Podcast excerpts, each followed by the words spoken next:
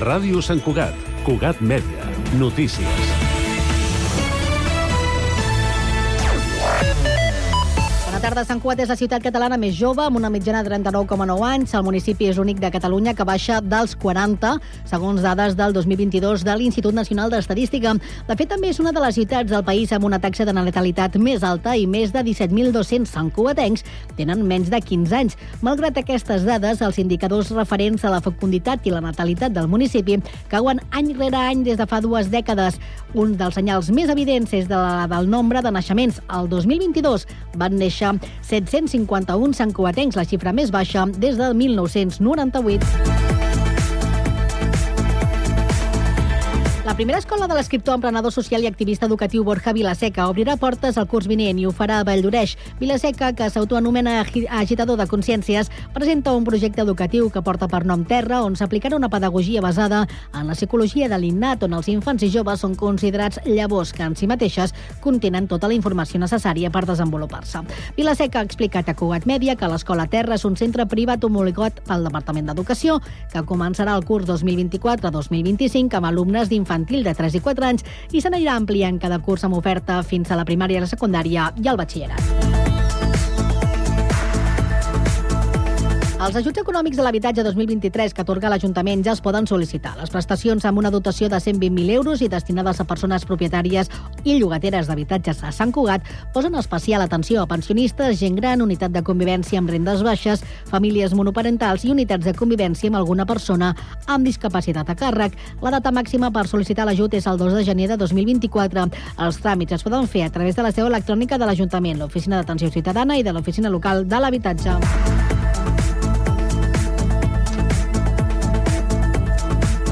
Les entitats esportives, socials i culturals de Sant Cugat, així com també diferents escoles del municipi, han organitzat un total de 13 activitats per participar a la 32a edició de la Marató de TV3, que se celebrarà el proper diumenge 17 de desembre. Enguany, la iniciativa solidària vol posar, sobre, vol, vol posar llum els problemes de salut sexual i reproductiva, trencar els prejudicis, tabús i pors que encara els envolten i promoure la informació i el respecte a la diversitat. A més, la Marató es marca l'objectiu de fomentar una salut sexual sana, responsable i lliure. Res més per ara, la informació torna d'aquí una hora a la mateixa sintonia i constantment internet a www.cugat.cat.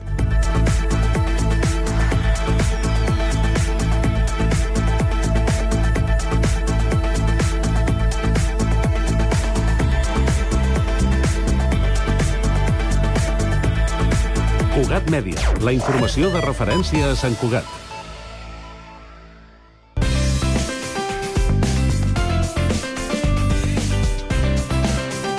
Ràdio Sant Cugat, Cugat Mèdia, 91.5 FM. 4 i 3 minuts. Comença el Connectats.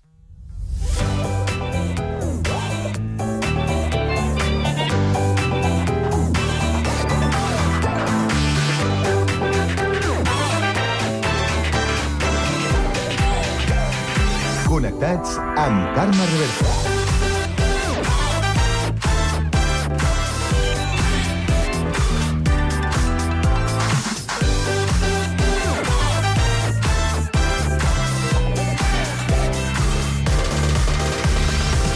Bona tarda, salutacions i benvinguts al magazín de tarda de la xarxa, el Connectats de l'àrea metropolitana de Barcelona.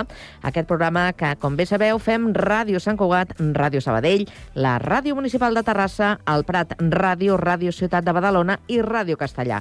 Una salutació de tot l'equip conduït a la part tècnica per Pablo Palenzuela i de qui us parla, Carme Reverte.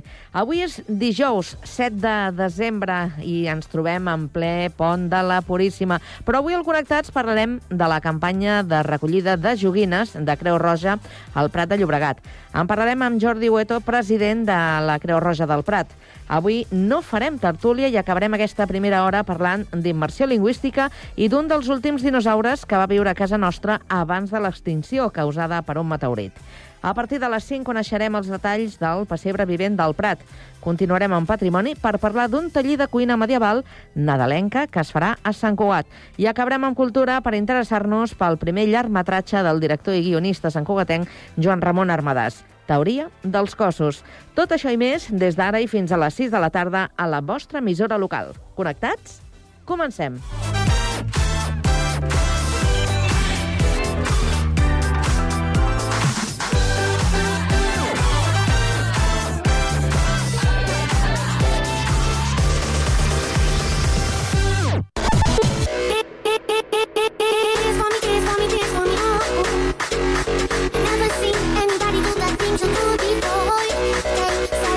Connectats, una experiència radiofònica a Sabadell, Terrassa, Sant Cugat, El Prat, Castellà i Badalona.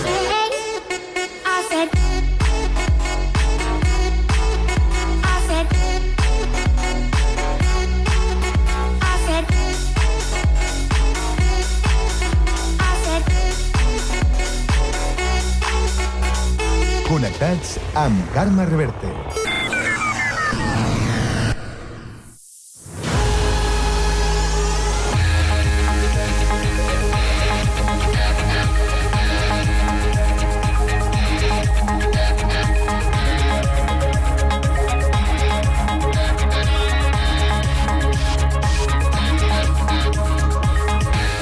Ara per repassar l'actualitat en aquesta ronda informativa que un dia més obrirem per Terrassa. Sergi Estapé, bona tarda.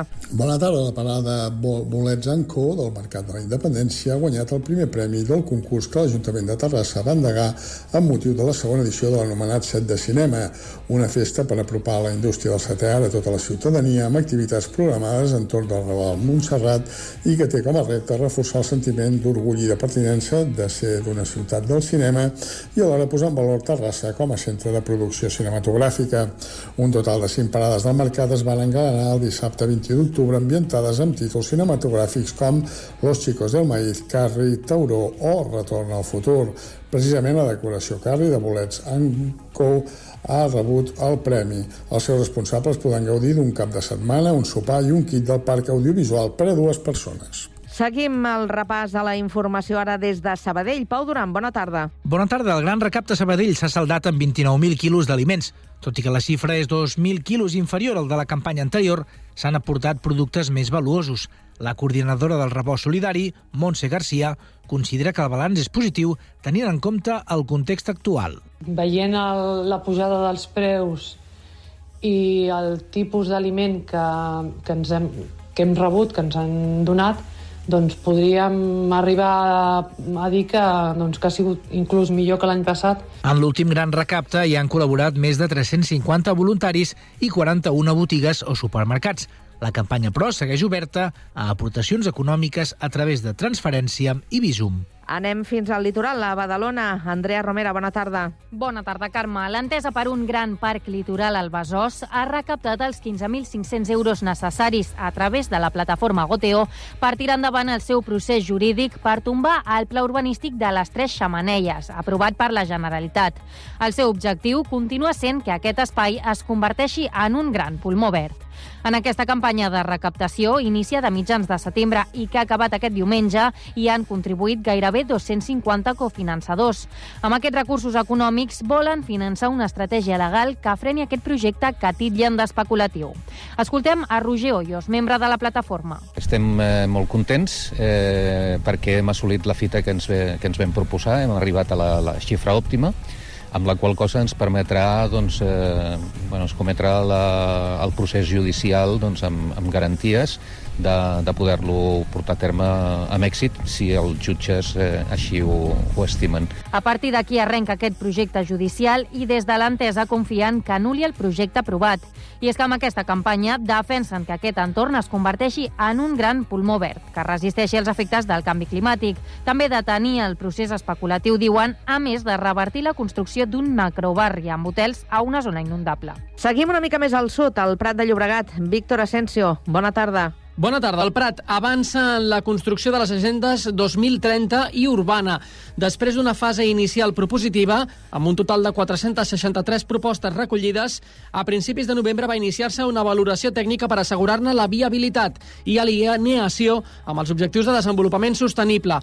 La fase de suport està programada entre l'11 i el 22 de desembre. Mitjançant la plataforma Participa 311 al Prat.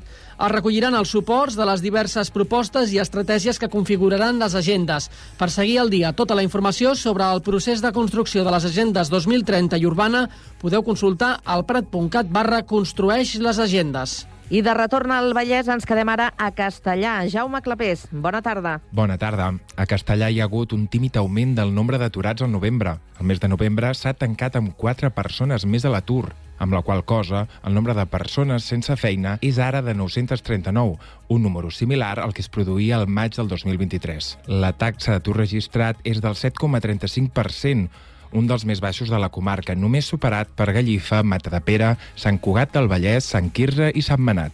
En el conjunt del Vallès Occidental, el nombre de persones a l'atur ha baixat en 457 persones, amb la qual cosa, actualment, hi ha 4.544 persones sense feina. Les dades del mes de novembre deixen el nombre de persones en situació d'atur a Catalunya en 339.907, la qual cosa significa gairebé 9.000 menys que fa un any. I tancarem aquesta ronda informativa amb la crònica de Sant Cugat. La cantant santcugatenca Nina ha creat el seu primer segell discogràfic amb l'objectiu d'apostar pel talent jove.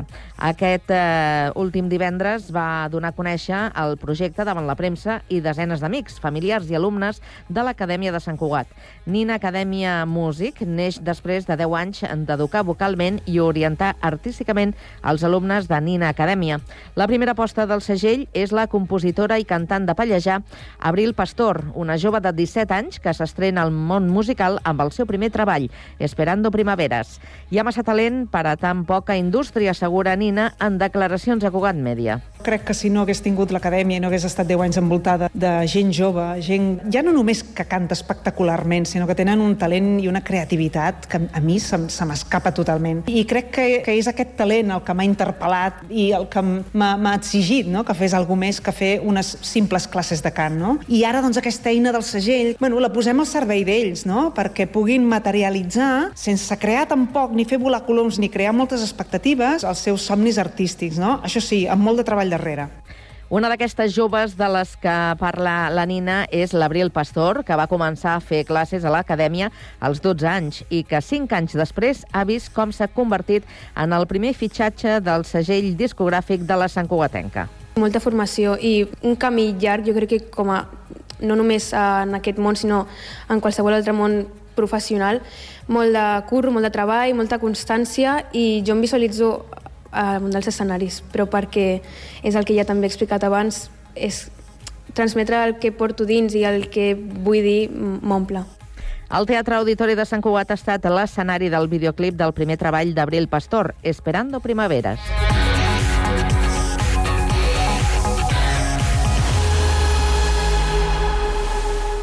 A la tarda, no et desconnectis.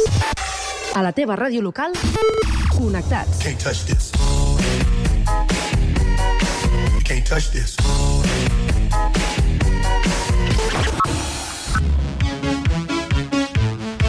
Can't touch this. Can't touch this. Connectats amb Carme Rebell.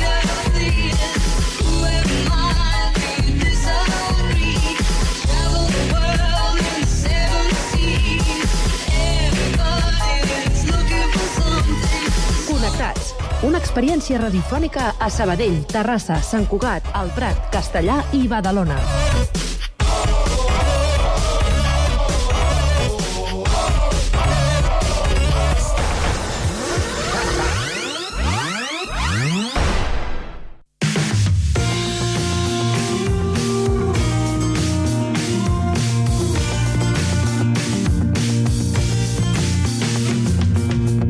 En marxa la campanya solidària de recollida de joguines que cada any promouen per Nadal la Creu Roja i el Prat Ràdio. Fins al 5 de gener, tothom qui vulgui pot apropar-se a la seu de l'emissora municipal, així com a la de l'entitat, per col·laborar-hi.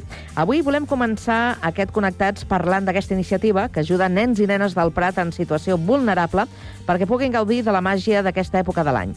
Per conèixer tots els detalls, marxem fins als estudis del Prat Ràdio. Rocío Santa Eufèmia, bona tarda.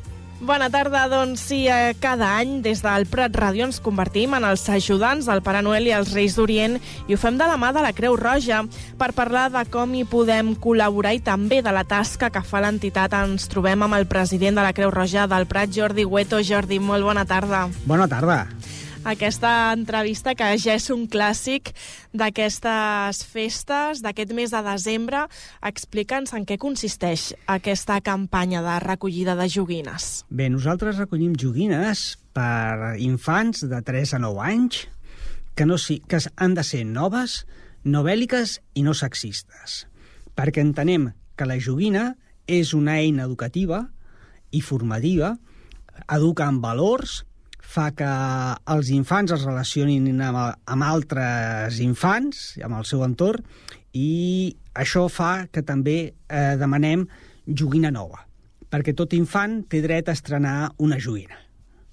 A banda de joguines, també podem col·laborar amb material escolar, llibres, per exemple, o els requisits han de ser que, que siguin joguines per infants de 3 a 9 anys. A veure, eh, la campanya de joguines és joguines de 9 anys, fins a 9 anys, de 3 a 9, però que si porta material escolar estarem també encantats de rebre'l i guardar-lo per la campanya de l'any que ve. A les persones o les famílies a qui va dirigida aquesta campanya, com s'adrecen a vosaltres des de la Creu Roja? Com és una miqueta aquesta part més organitzativa? Mira, les, les famílies, que són 140 famílies, les que atendrem enguany, eh, venen derivades de serveis socials amb qui col·laborem durant tot l'any i, i és la, la via amb la que arriben. Bé, el, nosaltres el que fem, eh, ja ho portem fent un parell d'anys, és que entreguem les joguines abans de Nadal perquè així són les mateixes famílies les que decideixen quan els hi volen entregar als infants, si pel uh -huh. Pare Noel o per Reis. I les joguines que ens arriben després de fer aquesta entrega les guardem per la següent campanya.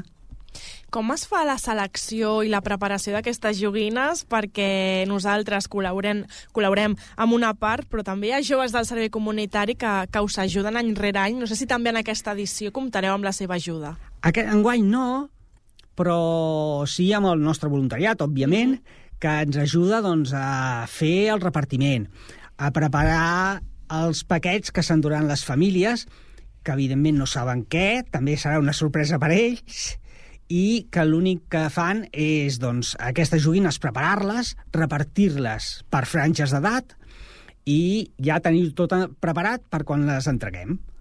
Des de quan comenceu a preparar-ho tot? Perquè tenim ara, estem immersos en aquesta part més col·laborativa de, de recollida de joguines, però imagino que des de l'entitat es fa també una feina prèvia uh, per organitzar-ho tot i per veure com es farà cada campanya.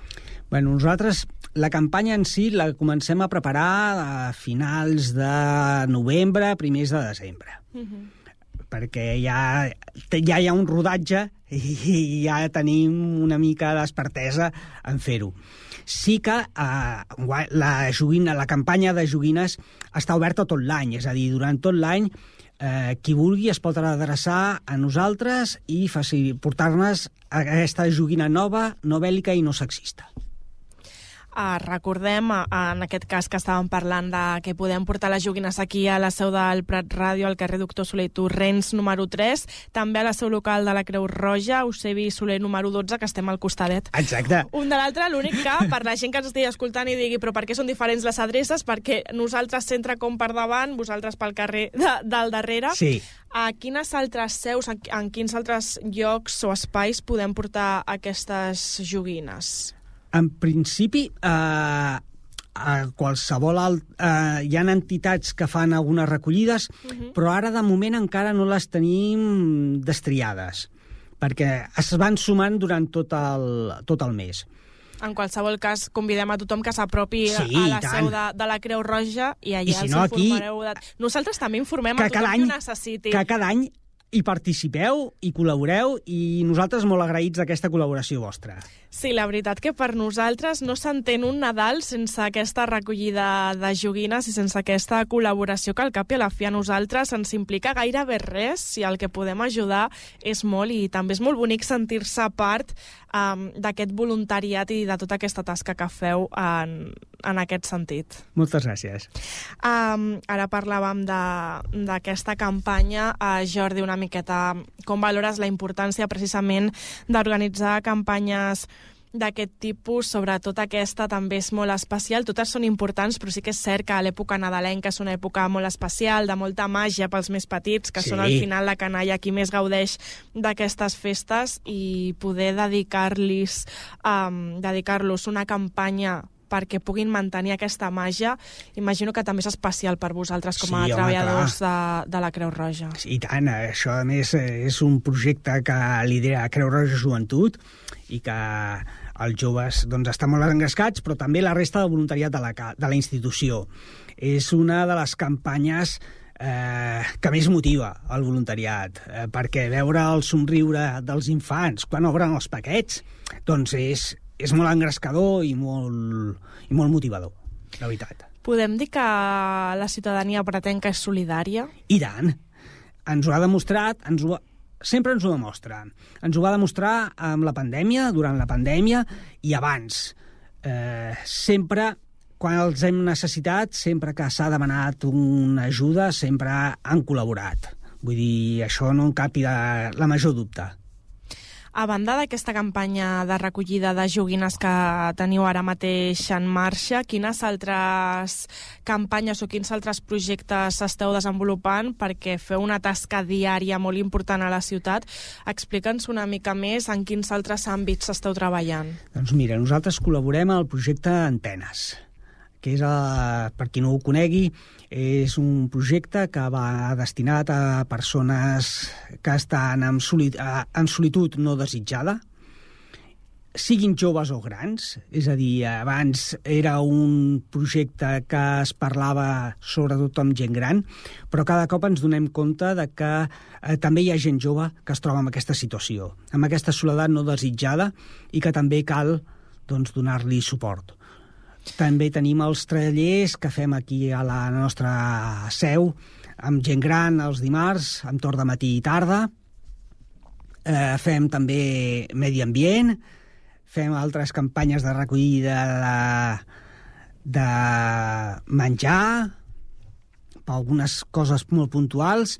Fem repartiment doncs, a persones que no poden anar a la botiga a buscar el menjar, doncs els hi portem al seu domicili eh, fem molta cosa, la veritat. La veritat que, que no, no pareu, Jordi. Um, ara que em comentaves, no? aquest projecte Antenes per treballar la solitud també són dates especialment complicades en aquest sentit, no?, per a aquestes persones. Sí. Uh, si una persona doncs, es troba sola ja li costa doncs, de la resta d'any aquestes dates, doncs encara aquesta solitud no desitjada encara es fa més patent. Uh, ja fa uns anys que diem uh, que parlem d'una situació econòmica complicada. Sembla la pregunta de cada any, però certament és que cada any hi ha una cosa nova. Aquest any també uh, la inflació uh, ha perjudicat molt a moltes famílies. Això ho noteu vosaltres des de la Creu Roja? Hi ha hagut un augment de persones que necessiten d'aquest ajut que els hi podeu donar? A veure, sí, sí es nota. Uh, gent que però ho venim notant ja també des de la pandèmia. Uh -huh. És a dir, hi ha famílies que amb els ERES ja es van quedar sense feina, es van esgotar els recursos, els estalvis que tenien, i eh, gent que et venia i et deia, doncs, ah, fins ara jo ajudava i ara necessito que m'ajudin. Uh -huh. Val? Les coses canvien i la inflexió el que fa és agreujar aquesta, uh -huh. aquesta vulnerabilitat de les persones. Eh, ha, la persona que, era, que ja estava en una dificultat se li ha agreujat i hi ha famílies doncs, que estaven amb el llindar de si ja anaven justes i que ara ha fet doncs, que, malgrat aquesta pujada de la inflació doncs necessitin ajuda nostra. De fet, impacta molt això, que ho hem parlat algunes vegades, de com hi ha persones que han passat, ara comentaves, de mm, participar voluntàriament en els vostres projectes a ser les persones destinatàries. Això és una dada que impacta molt, però que és molt real, no?, d'aquestes sí. persones que han vist la seva situació econòmica com ha anat empitjorant i no només ja no poden col·laborar amb vosaltres, sinó que ara són els que necessiten d'aquesta col·laboració. Sí, sí. I a més, també vull remarcar un projecte que fem i és cada setmana sortim els dijous a veure les persones que estan dormint al carrer, uh -huh. que és un altre col·lectiu, eh, diguem, del més vulnerable, perquè són els que ja ho han perdut tot, o quasi bé tot, i que aquestes dates doncs, també se'ls hi agreuja la situació. Com podem col·laborar amb vosaltres, a banda d'aquesta recollida que esteu fent ara de joguines, però en general, en els vostres projectes, eh, perquè al final, amb un granet de sorra, podem ajudar molt, no calen grans quantitats. Ah, no, no, no. Explica una mica, eh, també per animar qui ens estigui escoltant, si pot donar un cop de mà a aquestes persones, perquè mai se sap quan necessitarem aquesta ajuda nosaltres mateixos. Sí, eh, doncs mira, molt fàcil. Eh, Fent-se soci de la nostra institució o fent qualsevol aportació. Es poden fer socis amb la quantitat que ells desitgin, una quantitat a l'any, una quantitat mensual. La quantitat pot ser la que ells desitgin. I eh, no oblidin que aquesta quantitat també es pot desgravar amb un percentatge de la, quan es faci la declaració de renda. I com a persones voluntàries, com podem ajudar amb el nostre temps? Doncs dirigint-se a la nostra seu i doncs, dir que volen ser voluntàries i estarem encantats de rebre'ls. Doncs queda dit, Jordi, ja per acabar, uh, fins quan, ara sí, centrant-nos en aquesta campanya de recollida, fins quan es pot apropar la ciutadania tant a la seu de la Creu Roja com aquí al Prat Ràdio per portar les seves joguines i col·laborar d'aquesta campanya tan bonica pels nens i nenes del doncs la Prat. tindrem oberta fins al 4 de, de gener. O sigui que fins llavors qualsevol persona els engresco a que participi. Encara tenim temps, gairebé un mes. I tant. O sigui que convidem a tothom amb aquestes joguines que no, no bèl·liques, no sexistes, que siguin noves, perquè com bé has dit a l'inici d'aquesta entrevista, tots els nens i nenes tenen dret a rebre una joguina nova per Nadal. Sempre ens fa molta il·lusió aquesta entrevista, tot i que seria molt millor no haver de fer-la, Sí. però en qualsevol cas eh, és una campanya molt bonica, esperem que vagi molt bé, que pugui ajudar aquestes 140 famílies que ens comentava. Jordi, estarem pendents també de l'evolució i des d'aquí doncs, també convidar tothom que s'apropi aquí a veure'ns a, a la ràdio i a portar la seva joguina. Moltíssimes gràcies i bones festes. Gràcies a vosaltres i bones festes.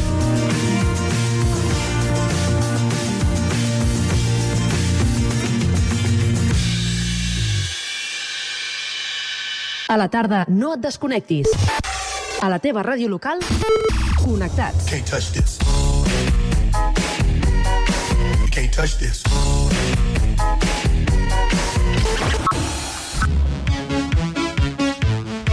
Can't touch this. Can't touch this. Connectats amb Carme Rebell.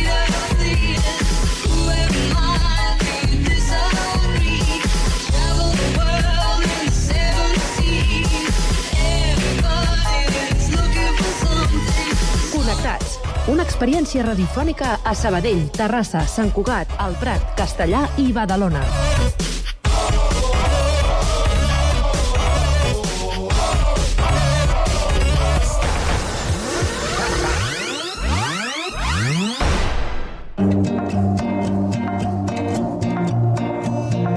Bocabadats. Aquest podcast és una producció de Ràdio Ciutat de Badalona.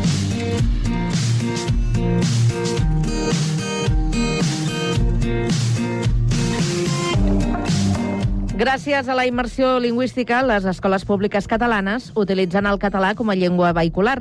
Però per què això genera tant de debat entre alguns sectors? En parlem amb la coordinadora de l'equip eh, TIC-MEC de l'Institut de Ciències de l'Educació de la Universitat Autònoma de Barcelona i professora de llengua catalana Esther Sancho, que es troba als estudis de Ràdio Ciutat de Badalona amb la nostra companya Andrea Romera. En els darrers anys, la immersió lingüística ha estat durament assenyalada i criticada per alguns sectors. I, de fet, avui encara ho és. Per això intentarem entendre per què serveix exactament la immersió lingüística a l'escola i en quin punt es troba actualment a Catalunya. I per fer-ho ens acompanya l'Ester Sancho, que és professora de llengua catalana. Esther, com estàs? Molt bé, contenta d'estar aquí. Abans de començar, el que és més important de tot és entendre, no?, què és la immersió lingüística. Ens ho podries definir? A veure, la immersió lingüística és una metodologia d'aprenentatge que el que pretén és fer una exposició total a una llengua. En el cas de les escoles doncs, seria fer totes les matèries en, en una llengua, en la llengua del territori. I hi ha diferents models d'immersió lingüística, potser tenint en compte la situació dels aprenents o, o simplement és el mateix model que s'aplica en diferents aspectes? Uh, hi ha diferents models d'immersió lingüística, que passa que aquí a Catalunya només n'hi ha un que seria fer servir el català com a llengua vehicular, és a dir, que s'utilitza totes les matèries excepte les que són d'una altra llengua, lògicament. Fem una mica repàs històric de la immersió lingüística i segons dades de la Plataforma per la Llengua, ens remuntem al 1983, quan s'aplica per primer cop l'immersió lingüística. Va ser a unes escoles de Santa Coloma de Gramenet, que per cert ens queda aquí al costat, i si ens hi fixem, aquestes dates coincideixen una mica amb les dates en què va haver aquell gran moviment migratori que va portar a molta gent de diverses zones d'Espanya a viure a Catalunya cap als anys 50, 60, 70. Això és casualitat o, o hi ha una relació? No, no és casual. De fet, aquesta iniciativa va sorgir de les pròpies famílies d'aquestes escoles que van demanar com a eina de cohesió social el fet de que els seus fills i filles poguessin aprendre eh, el català, igual que els altres, per oferir-los les mateixes possibilitats que tenien els que ja eren aquí i tenien el català com a llengua pròpia. O sigui, realment va ser un tema d'inclusió. Correcte. De fet, abans d'implementar-se aquí a Catalunya, a la dècada dels 60, al Quebec, que és una, una regió del Canadà, ja s'hi va apostar per la immersió lingüística. Potser a Catalunya ens vam inspirar una mica dels canadencs o simplement va ser una casualitat? Dues iniciatives en dos territoris diferents que després van resultar ser, ser iguals. Jo imagino que cada territori, en funció de les seves particularitats, fa la seva pròpia immersió lingüística. Per això abans et deia, hi ha diferents models. No? El Quebec que són dos territoris clarament diferenciats, per tant, encara que sigui una història de bilingüisme, a un territori són monolingües i a l'altre també ho són. No és la realitat nostra. Aquí som bilingües tots en tots el territori. Tornem ara a Catalunya perquè potser molta gent pensa doncs mira, es va optar per aquesta, aquesta mesura, per dir d'alguna manera, en una situació X que és de fa molt de temps, però ara ja han passat molts anys no, des d'això. Aleshores, per què a dia d'avui hem de seguir amb la immersió lingüística si ja no hi ha no, aquesta problemàtica? A veure, uh, quan una cosa passa molts anys sempre s'ha de revisar, és com de la Constitució. Si té 45 anys, doncs hi haurà coses que hauran quedat obsoletes i probablement en aquest sentit hi ha alguna cosa que està obsoleta. Però la realitat és que a dia d'avui a Barcelona es parlen més de 300 llengües. Llavors, si en una sola ciutat tenim més de 300 llengües, d'alguna manera hem de gestionar aquest multilingüisme. I aquí ha funcionat aquest model, ha estat un model d'èxit. Doncs polint el que calgui, actualitzant el que faci falta, però és un model d'èxit, mantinguem-lo, no ens el carreguem. Has donat una explicació molt, molt convincent, sota el meu punt de vista, però tot i això, encara hi ha gent que segueix sense estar d'acord, que creu que el castellà té un ús residual i aquí és quan comencen a haver disputes, no? Ens anem al 2020, quan el Tribunal Superior de Justícia de Catalunya estableix un mínim del 25% de l'ensenyament en castellà a les escoles de Catalunya. Aleshores, la Generalitat respon a això amb una llei que s'anomena, potser col·loquialment, llei escut, a veure si ens ho pots explicar, per protegir el català. El que passa és que aquest 25% no s'aplica a totes les escoles, només a algunes. Què està passant? Per què unes sí, unes no? Explica'ns una mica perquè potser hi ha gent que està una mica perduda en aquest aspecte. Jo imagino que perduts ho estem tots. Sobretot perquè això del 25%, en alguns casos, a mi particularment, que sóc profe de llengua, m'agradaria que es portés a terme i et diré per què. Perquè això significaria que el 75% de les classes s'estan fent en català i això no és una realitat a tots els centres. Llavors, eh, mirem-ho tot. No? Estem en un moment en què hi ha molta demanda de professorat i està venint molta gent de fora a fer de profe i no tenen el nivell de llengua que haurien de tenir. I això fa que es, uh, no s'estigui complint el que sí que es complia fa uns anys. I que tu passegis per els passadissos dels instituts i sentis com s'està fent diferents matèries en castellà, perquè ha vingut algú doncs, de, de fora, d'Alacant, de, de València, d'on sigui, que benvinguts, però en aquí hi ha una llei que s'hauria de complir i ara mateix no s'està complint. Per tant, quan reivindiquen tant aquest 25%, haurien de conèixer la realitat de les aules, que en molts casos és tota una altra però quan surt per les notícies, per exemple, a aquesta escola de, posem un exemple que m'estic inventant, de Vilassar de Mar, a partir d'ara haurà de fer el 25% de les classes en castellà. Per què? És perquè una família ha denunciat, perquè s'ha creat un moviment estudiantil a l'escola... Per què passa això? Normalment passa perquè hi ha una denúncia al darrere d'alguna família fonamentada en coses que no, no sabria dir-te. És a dir, crec que s'hauria d'estudiar cas per cas. Sí? En alguns casos ho hem sentit a les notícies, jo mateixa, de un nen no el deixen anar al lavabo perquè ha demanat per anar al lavabo en castellà. Eh, M'agradaria veure per un foradet quan ha passat això i com ha passat això i de què estem parlant Llavors, no m'agrada generalitzar, no sé què passa a cadascun dels instituts i si ha sigut cosa de les famílies o què, però el que està sortint als mitjans és això, que són les famílies, algunes, que han fet aquesta denúncia i que a través d'això s'ha aplicat en diferents centres.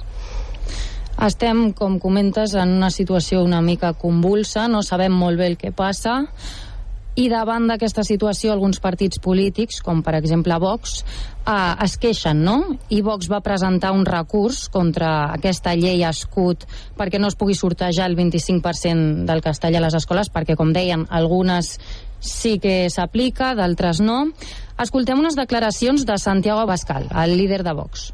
Presentamos el recurso número 40 de Vox, del Grupo Parlamentario de Vox, ante el Tribunal Constitucional, en lo que yo creo que ya es una clarísima muestra de que Vox se ha erigido en el verdadero defensor de los derechos constitucionales y de los derechos de los ciudadanos españoles. El Tribunal Constitucional desestima aquest recurs cosa que ens situa en la mateixa situació convulsa de que no sabem què està passant, però què passaria si s'acabés implantant aquest 25%? Abans comentaves que això seria positiu, entre moltes cometes, perquè voldria dir que la resta de signatures sí que serien en català, però també seria un atac directe a la immersió lingüística. Aleshores, quines conseqüències portaria aquest atac per l'educació de Catalunya? Els atacs que està fent aquest partit a, a la llengua són constants. S'ha aprovat que es pot parlar el català al, al Congrés dels, dels diputats, s'han aixecat i s'han anat. Llavors, no sé si com a anècdota, però que la llengua els hagi fet fora del Congrés em sembla molt bonic, molt poètic tot plegat. De fet, en la mateixa línia de Vox s'han fet diverses manifestacions a favor del castellà com a llengua vehicular una d'elles, al setembre de 2022, on Cuca Gamarra, secretària general del PP, fa aquestes declaracions. Denunciamos la persecución, denunciamos la estigmatización, denunciamos cómo la Generalitat está llevando a cabo un pisoteo de los derechos fundamentales y los derechos lingüísticos que tienen los catalanes.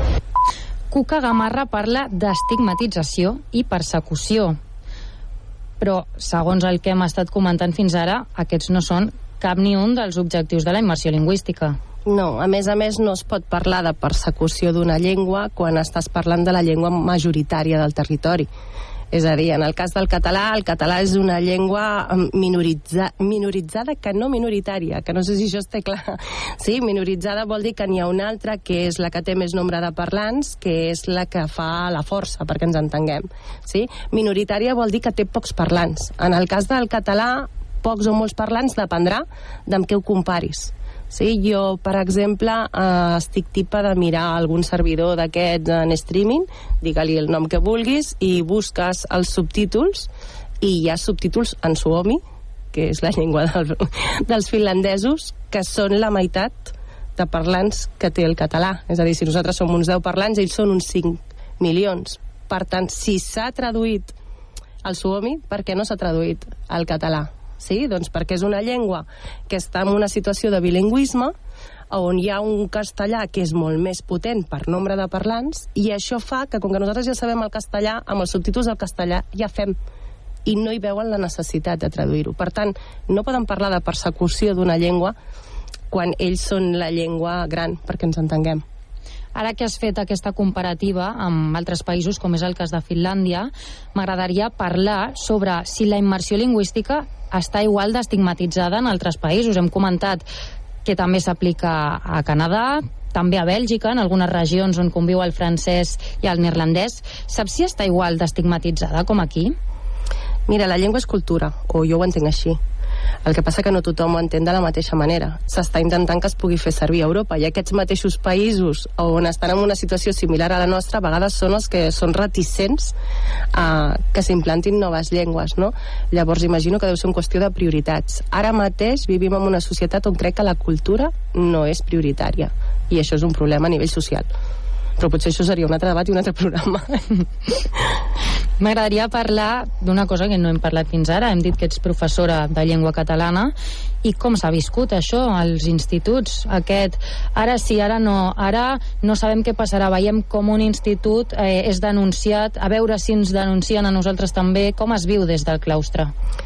Des del claustre hi ha diferents opcions perquè hi ha de tots colors, igual que amb els partits polítics, imagino. Llavors hi ha des de qui se sent empoderat per fer les seves classes en castellà perquè està defensant aquest 25% del que parlàvem abans i des del que té por de fer segons quina intervenció perquè a veure si ara això que digui arribarà a casa i com ho entendran els pares perquè jo ho he dit d'una manera però el nen ho rep d'una altra i ho explica d'una altra sí? i llavors poden venir les famílies a buscar-te les, les pessigolles. La veritat és que ha creat una mala maror que jo no havia viscut fa molts anys, que sóc profe i ja començo a tenir una edat, i aquest debat lingüístic ara mateix és com si hi hagués una por a fer coses i podem fer això en castellà doncs clar, és la teva matèria com no ho has de... saps? O sigui, estem creant un, una mala maror és que no sé dir-ho d'una altra manera que no existia i un conflicte i una guerra entre llengües que no té sentit les llengües sumen la llengua és cultura. I si en lloc de saber-ne dues en sabéssim tres, millor. I si en lloc de tres fossin quatre, millor. Jo, és com jo ho entenc, eh? A partir d'aquí. I entre l'alumnat, has notat algun canvi en l'ús del català? Abans comentaves que entre el professorat sí que es nota, no?, que cada cop hi ha més professors que imparteixen matèries en castellà, i entre l'alumnat també hi ha cada cop més alumnes que es relacionen entre si en castellà? Sí, i jo crec que això és conseqüència de que l'oci el tenim en castellà. Si ells van al cinema, la majoria de pel·lícules estan doblades en castellà. Sí, juguen a la Play i hi ha molts jocs d'aquests de roleplay i en el que sigui, el, tot el text que estan llegint és en castellà i juguen entre ells i juguen en castellà. Tot, tot el seu oci està en castellà. Llavors és com si no trobessin la utilitat per fer servir la llengua. Si fem una mica de predicció de futur, quin creus que serà el futur de la immersió lingüística a Catalunya? Creus que acabarem cedint al 25%? Creus que ens mantindrem tal com estem? A veure, com t'ho dic, això a mi m'agrada ser positiva però crec que les coses que estem aconseguint les estem aconseguint per interessos. S'ha pogut parlar el català al Congrés perquè hi ha una investidura de per mig i aquí hi ha hagut unes negociacions que han fet possible arribar a aquest acord. Crec que serà difícil, val? però m'agradaria pensar que és una llengua viva que és una llengua d'ús per moltes persones, que hi ha moltes persones que se l'estimen perquè és la seva i això és una cosa natural que no podem evitar, cadascú s'estima la seva llengua i per tant vull pensar que sortirem endavant, sí, quin sigui el tant per cent que es parli a les aules segons la llei. Doncs Esther, moltes gràcies per acompanyar-nos. Segur que ha quedat una mica més clar almenys què és la immersió lingüística i en quina situació es troba ara mateix i esperem que li esperi una llarga vida a, a Catalunya. Doncs moltes sí, perquè gràcies. si no se m'acaba la feina. gràcies a vosaltres.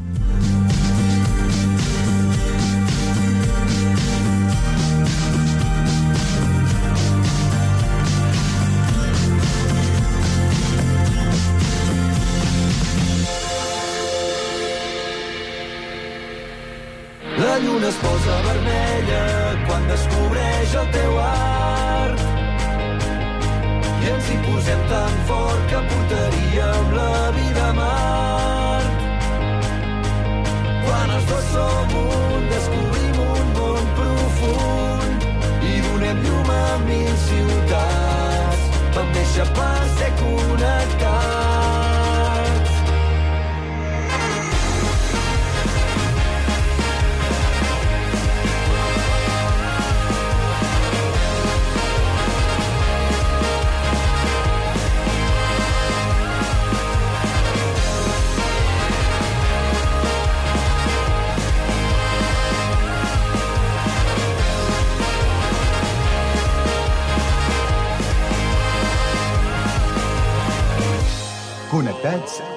amb Carme Reverte.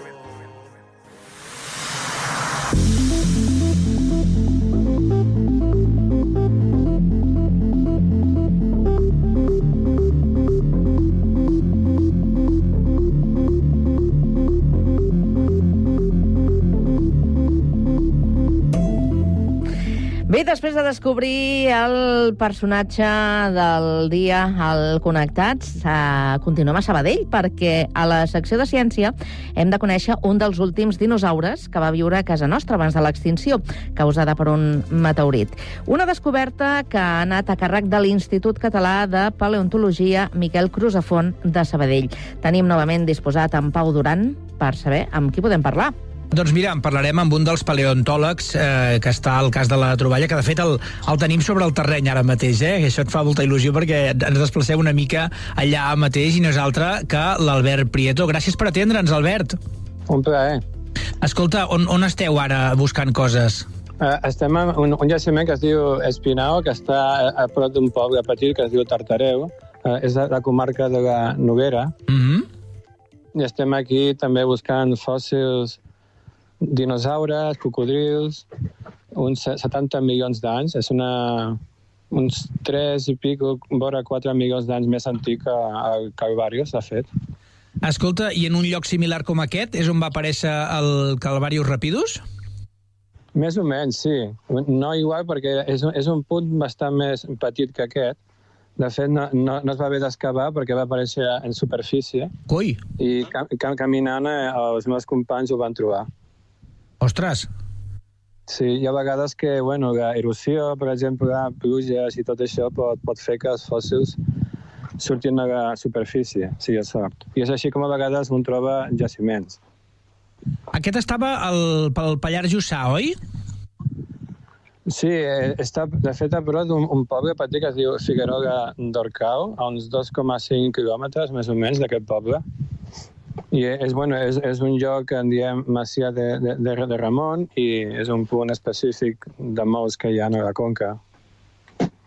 I el, el, ens dèieu que una mica eh, potser va ser eh, algun dels darrers dinosaures com a, com a espècie existir eh, abans pràcticament de l'extensió que va, extinció que va causar, no?, el, el meteorit al planeta? Sí, sí, és, de fet, eh, bueno, abans, diguem, en, en termes de temps geològic, o sigui, abans estem parlant de bastants de, bueno, potser és uns 100.000 anys, una cosa així, una mica més potser, però estem parlant d'aquestes dates, o sigui, aquí dintre hi cap tota la història de la humanitat i més, vull dir, però bueno, abans en termes ge ge ge geològics sí, perquè normalment parlem de milions d'anys, no? si tenim en compte que els dinosaures van desplegar a Terra uns 160 milions d'anys i eh, els membres d'aquest grup, doncs, una bona part d'aquest temps, doncs, 100.000 anys és molt poc.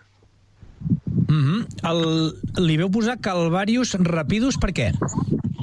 De Calvarius és perquè, com està tan a prop del que seria el filet de l'era dels dinosaures, de bueno, la gran catàstrofe, l'impacte de l'asteroide que va acabar amb el 75% de la vida sobre, la- sobre la Terra, no només dinosaures, sinó cocodrils, peixos, moltes plantes, i llavors el de Calvari és perquè bueno, seria estar a prop d'aquest Calvari, no? Entre, bueno, ve de, del terme català. I, I llavors el de Ràpidos és perquè pensem que era un animal bastant àgil i que se- segurament serà capaç de moure's amb bastanta velocitat per, comparat amb altres membres del mateix grup que eren bastant molt més grans i massius. I aquest animal era una excepció. Com arribeu, Albert, a aquesta conclusió, que era un animal àgil? Doncs això, per, per les proporcions morfològiques de- d'aquest os, o sigui, aqu- aquest os es tracta d'un metatars número 4, o sigui, de, del quart dit. Aquests animals tindrien tres dits al peu, que serien el 2, 3 i 4, i llavors aquest és, diguéssim, és el, el dit de, de fora, número 4, i llavors en, és un os bastant llarg i esvelt, i aquest tipus de morfologia es troben en animals que són bastant ràpids i àgils. I, el, I això és, em deies que és en comparació amb altres espècies, eh? Sí, llavors, bàsicament, la forma d'aquest os és molt similar a la que tenen aquests metatars 4 d'altres espècies de, del mateix gran grup, però mentre que en les altres espècies és un os bastant gruixut, aquest és un os molt estilitzat. I a més, d'una mida molt pe- petita. Estem parlant d'un animal que en vida tindria poc més de dos metres de, de llarg. I era un animal que, si bé no era totalment adult, li faltava poc. Mentre que la resta d'espècies són animals que estem parlant de 10 metres, 7 metres, a vegades com a mínim 6, i fins a 12 metres en algunes es- espècies. Llavors és un, és un animal que havia evolucionat d'una forma bastant única.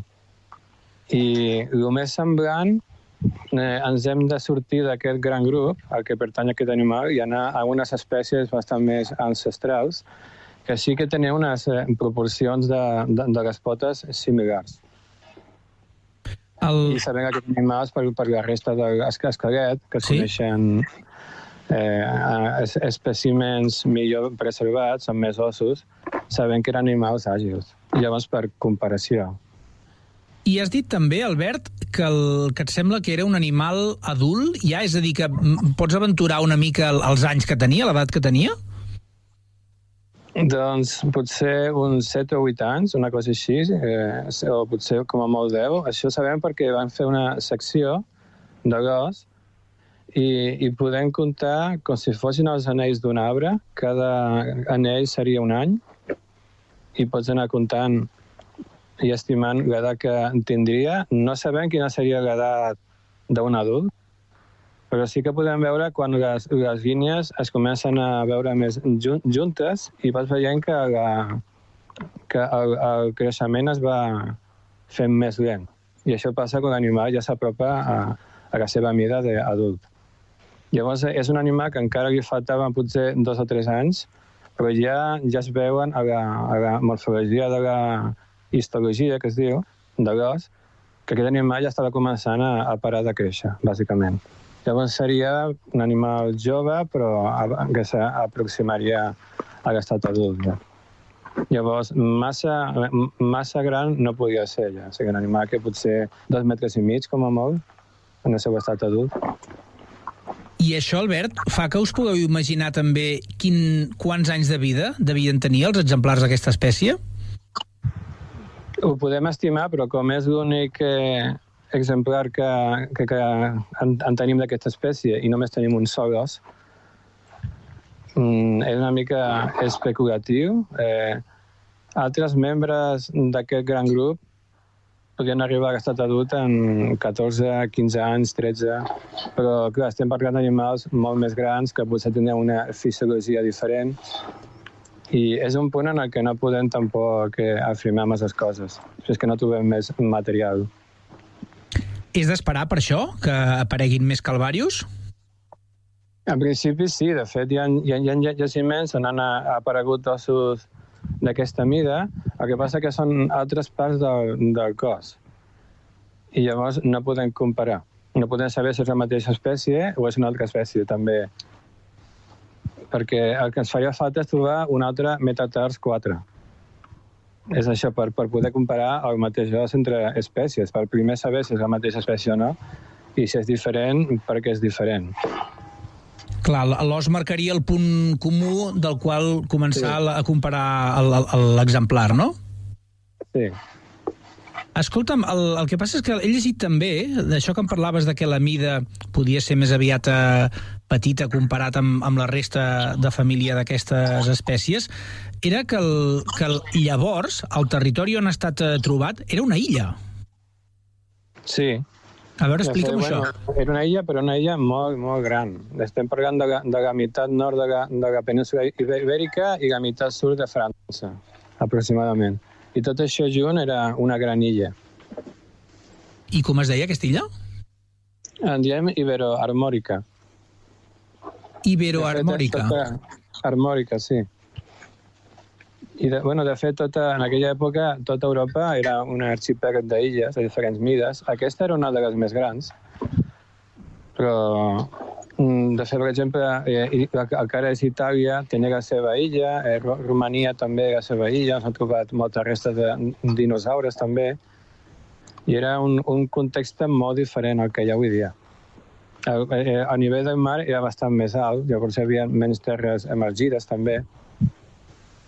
Uh -huh. I el, el, la resta aquesta del Calvarius, eh, crec que la veu trobar eh, envoltada al costat també de restes d'altres animals que podrien ser d'aquesta illa. En principi, mm, jo no vaig ser-hi a la descoberta, llavors això tampoc ho puc afirmar, si hi havia alguna més. T'ho dic Però perquè sembla que res re, rellevant. Sí? El, el que és en el punt aquest, en en el jaciment aquest. Val. És que havia llegit alguna d'una vèrtebra de cocodril o alguna així. Ah, bueno, potser fa, fa anys també. però bueno, no és, tampoc és una resta massa informativa.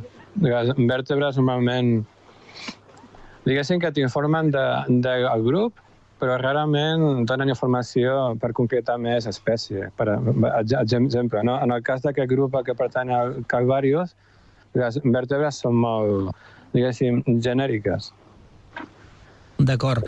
I el, abans quan Sí. parlaves de l'extinció, Um, crec que he vist que l'extinció uh, que provoca el meteorit és de tots els dinosaures no avians. Quins són aquest tipus Sí. de dinosaures? Doncs eh, aquests són els, els dinosaures en el que pensa el gran públic. O sigui, és tot el que no, que no són les aus. Que són, diem... O sigui, tots els dinosaures, des de carnívors com Tyrannosaurus rex, Velociraptors i els grans sauròpodes de cua llarga i coll llarg, i hadrosaures, bec d'ànec... O sigui, tot el que no són les aus, bàsicament. I le- les aus serien dinosaures però molt modificats anatòmicament. O sigui, eh, els, les aus venen, estan dintre d'un gran grup de carnívoros que inclueix, per exemple, el Velociraptor. Mm -hmm.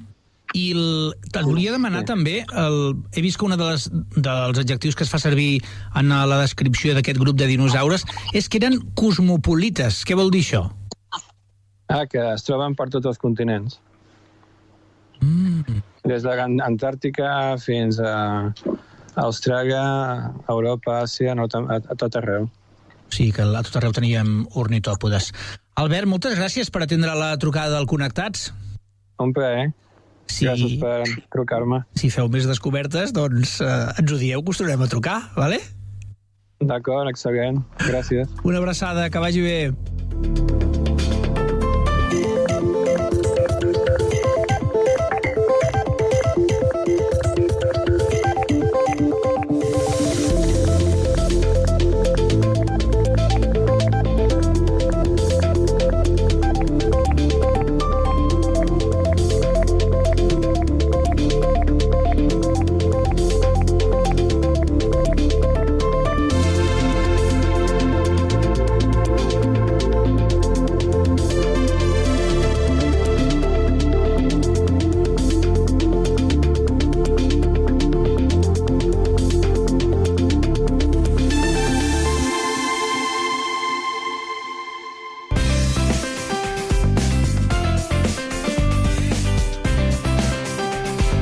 Ràdio Sant Cugat, Cugat Mèdia, 91.5 FM. No és el mateix ser els integrants del millor grup de la història que ser el millor grup de la història. Per això, el grup català Occident serem Occident, perquè per continuar assegurant-ho tot, tot i tot, ens havíem d'ajuntar tots, tots i tots. Entra a seremoccident.cat. Estrenem l'APP del Picalletres. Paraules i jocs lingüístics per a tothom. Descarregueu-vos l'APP a Google Play o a l'App Store i comenceu a jugar.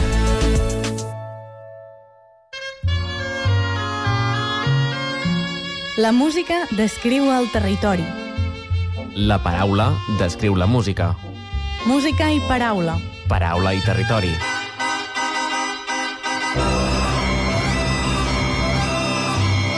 A través dels instruments de coble, les nostres veus i la teva ràdio. A Ràdio Sant Cugat, escolta el Coplejant el diumenge a les 10 del matí.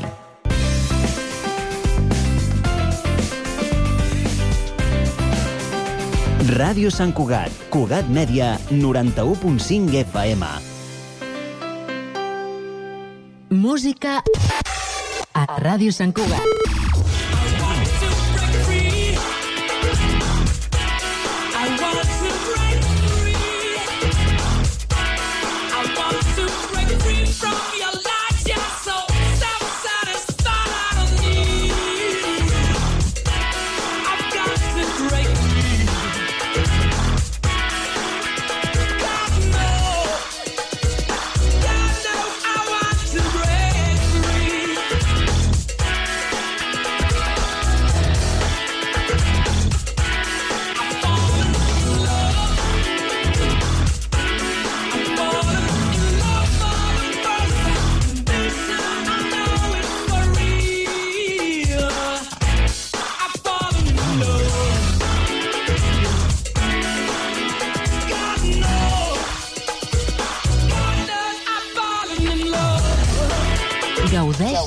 De la música amb nosaltres. Música a Ràdio Sant Cugat. Can't touch this. You can't touch this.